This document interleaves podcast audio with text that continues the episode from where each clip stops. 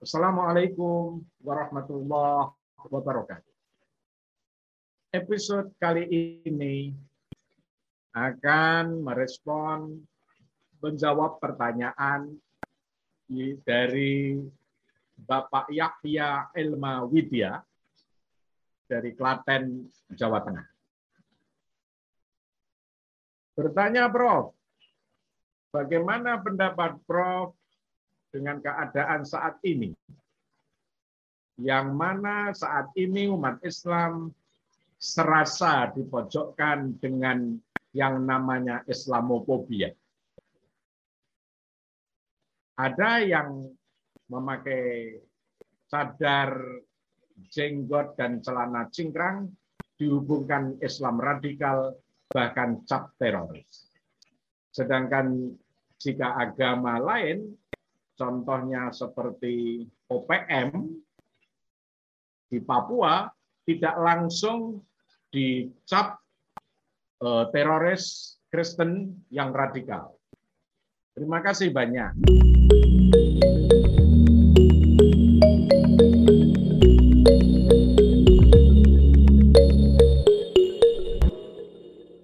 Terima kasih atas pertanyaannya tadi pertanyaan yang bagus, yang coraknya komparatif gitu ya. ya. Begini, saya mendahului dengan uh, catatan umum terlebih dahulu. Islamofobia. Kita bersyukur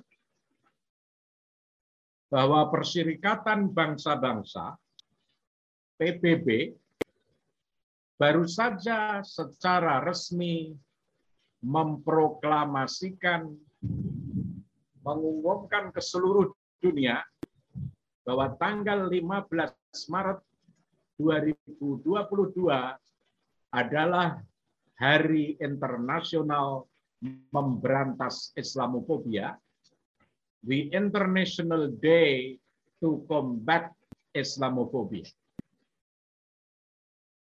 Meskipun ini tidak mengikat, negara anggota PBB seluruhnya, tapi secara simbolis deklarasi ini, proklamasi ini sangat signifikan dan penting sekali. Negara-negara OKI, negara-negara organisasi Islam, dan Pakistan sebagai wakil juru bicaranya ini merupakan kemajuan yang signifikan selama paling tidak 30 tahun terakhir.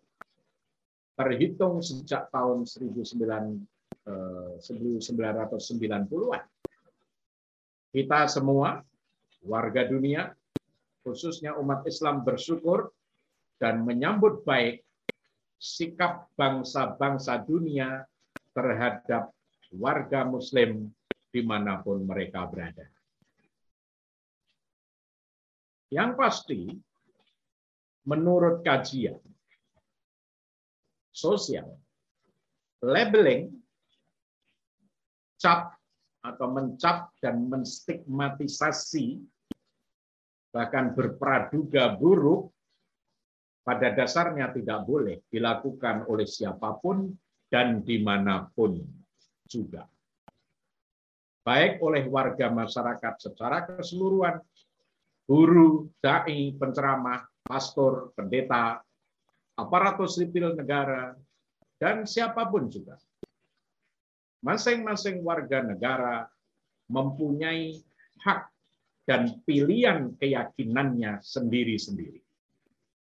Itu dijamin oleh Undang-Undang Kebebasan Beragama dan Berkeyakinan. KBB. Seperti penggunaan tutup kepala, helmet, oleh warga keturunan India di Inggris. Pemerintah Inggris tidak berhak melarang warganya keturunan India, migran dari India, untuk tidak menggunakannya di ruang publik di Inggris. Begitu juga penggunaan jilbab di negara Perancis dan seluruh negara-negara Eropa. Nah, pelaku intoleran, kekerasan, dan teror dapat dilakukan oleh siapa saja, baik yang bercelana cingkrang atau bercelana panjang, baik yang berjenggot atau tidak, baik yang bercadar atau tidak.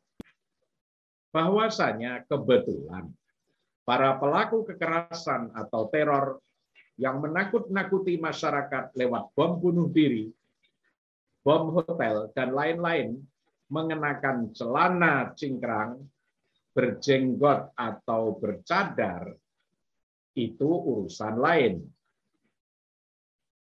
Polisi, Densus 88, dan pengadilan biasanya menjumpai corak pakaian yang dikenakan seperti itu.